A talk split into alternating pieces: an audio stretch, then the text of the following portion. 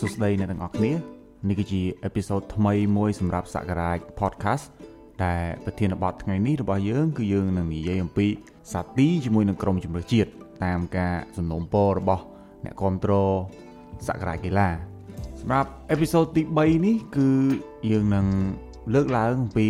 ក្រុមជម្រើសជាតិកម្ពុជារបស់យើងក្រោមការដឹកនាំរបស់លោក Felix Damas បន្ទាប់ពីជ្រើសរើសខ្សែប្រយុទ្ធមួយចំនួនច្រើនផងដែរហើយ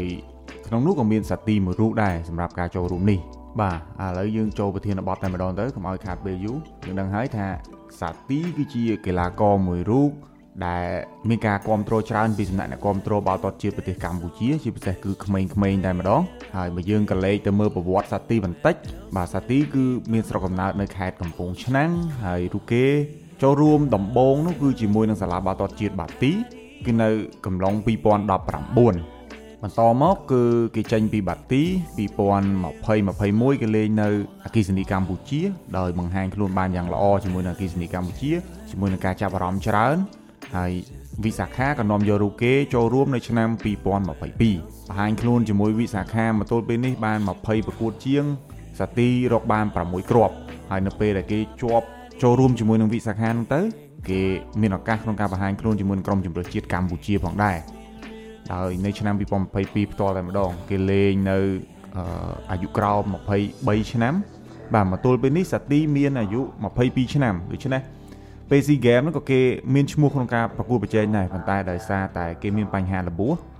ទើបខកខានឱកាសក្នុងការបង្ហាញខ្លួន SEA Games នៅកម្ពុជាយើងនេះ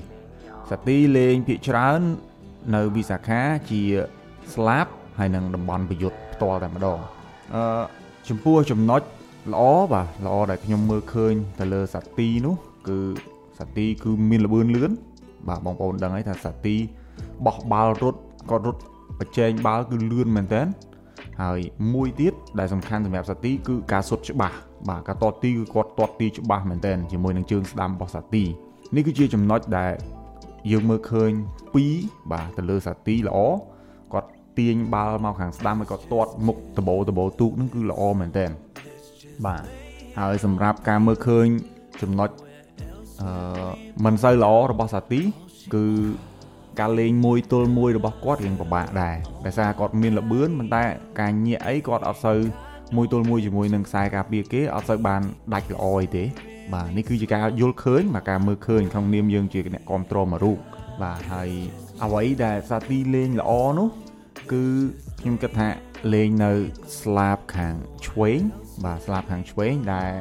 អាចគាត់អាចទាញទៅរកជើងស្ដាំរបស់គាត់ដើម្បីទាត់តែម្ដងដោយសារតែគាត់លបឿនល្អបាទគាត់លេងស្លាបគាត់រត់ត្រូវហើយគាត់ទាញទាត់បានល្អសម្រាប់ស្លាបខាងឆ្វេង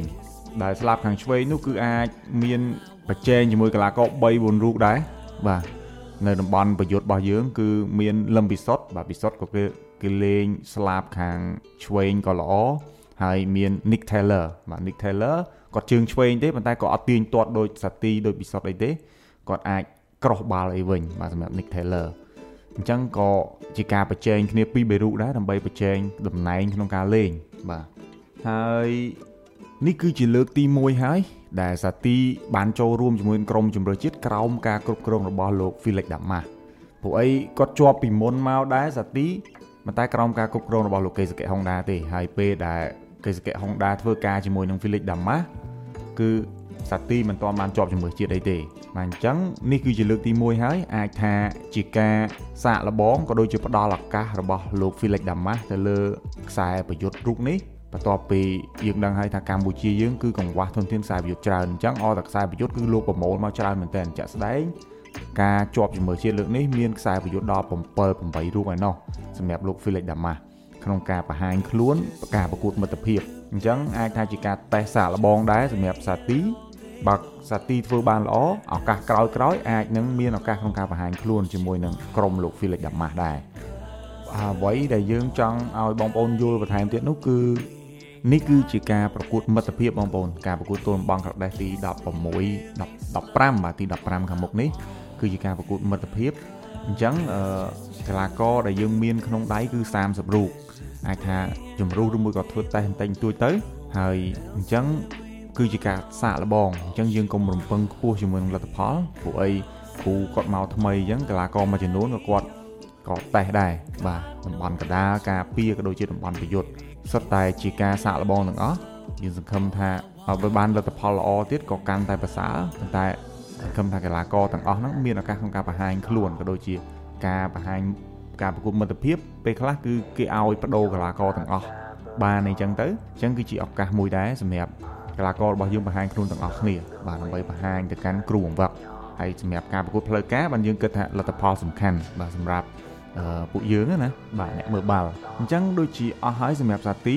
ហើយបើសិនជាបងប្អូនមាន គំនិតយោបល់ជុំវិញនឹងការលេងរបស់សាទីបន្ថែមទៀតអាចខមមិននៅក្នុងវីដេអូនេះបានហើយសូមបញ្ជាក់បងប្អូនផងដែរសម្រាប់ podcast របស់សក្ការៈយើងនេះគឺមិនមែនជាអ្នកជំនាញអ្វីទេ បាទយើងនិយាយវែកញែកនេះគឺក្នុងនាមជា អ្នកគ្រប់គ្រងបាល់ទាត់ជាតិបាទក៏ដូចជាអ្នកព័ត៌មានមួយរូបដែរសម្រាប់ជុំវិញនឹងការយល់ឃើញបាទកីឡាកររបស់យើងអញ្ចឹងអឺ បើសិនជាខុសទោសអីសូមអធិស្ឋានបងប្អូនទាំងអស់គ្នាហើយយើងចាំជួបគ្នាសម្រាប់អេពីសូតទី4បន្ថែមទៀតបាទអរគុណសង្ឃឹមថាបងប្អូននឹងពេញចិត្តជាមួយនឹងការធ្វើ podcast របស់យើងនេះនិងបន្តការគ្រប់គ្រងជាបន្តទៀតបាទហើយមួយវិញទៀតនោះបើសិនជាបងប្អូនមានប្រធានបទអ្វីបងប្អូនអាចទម្លាក់នៅក្នុង comment បានបើសិនជាល្អយើងនឹងរើសយកប្រធានបទដែលបងប្អូនចង់បាននោះមកធ្វើការវែកញែកសម្រាប់អេពីសូតបន្តបន្ទាប់របស់ podcast សក្ការៈ She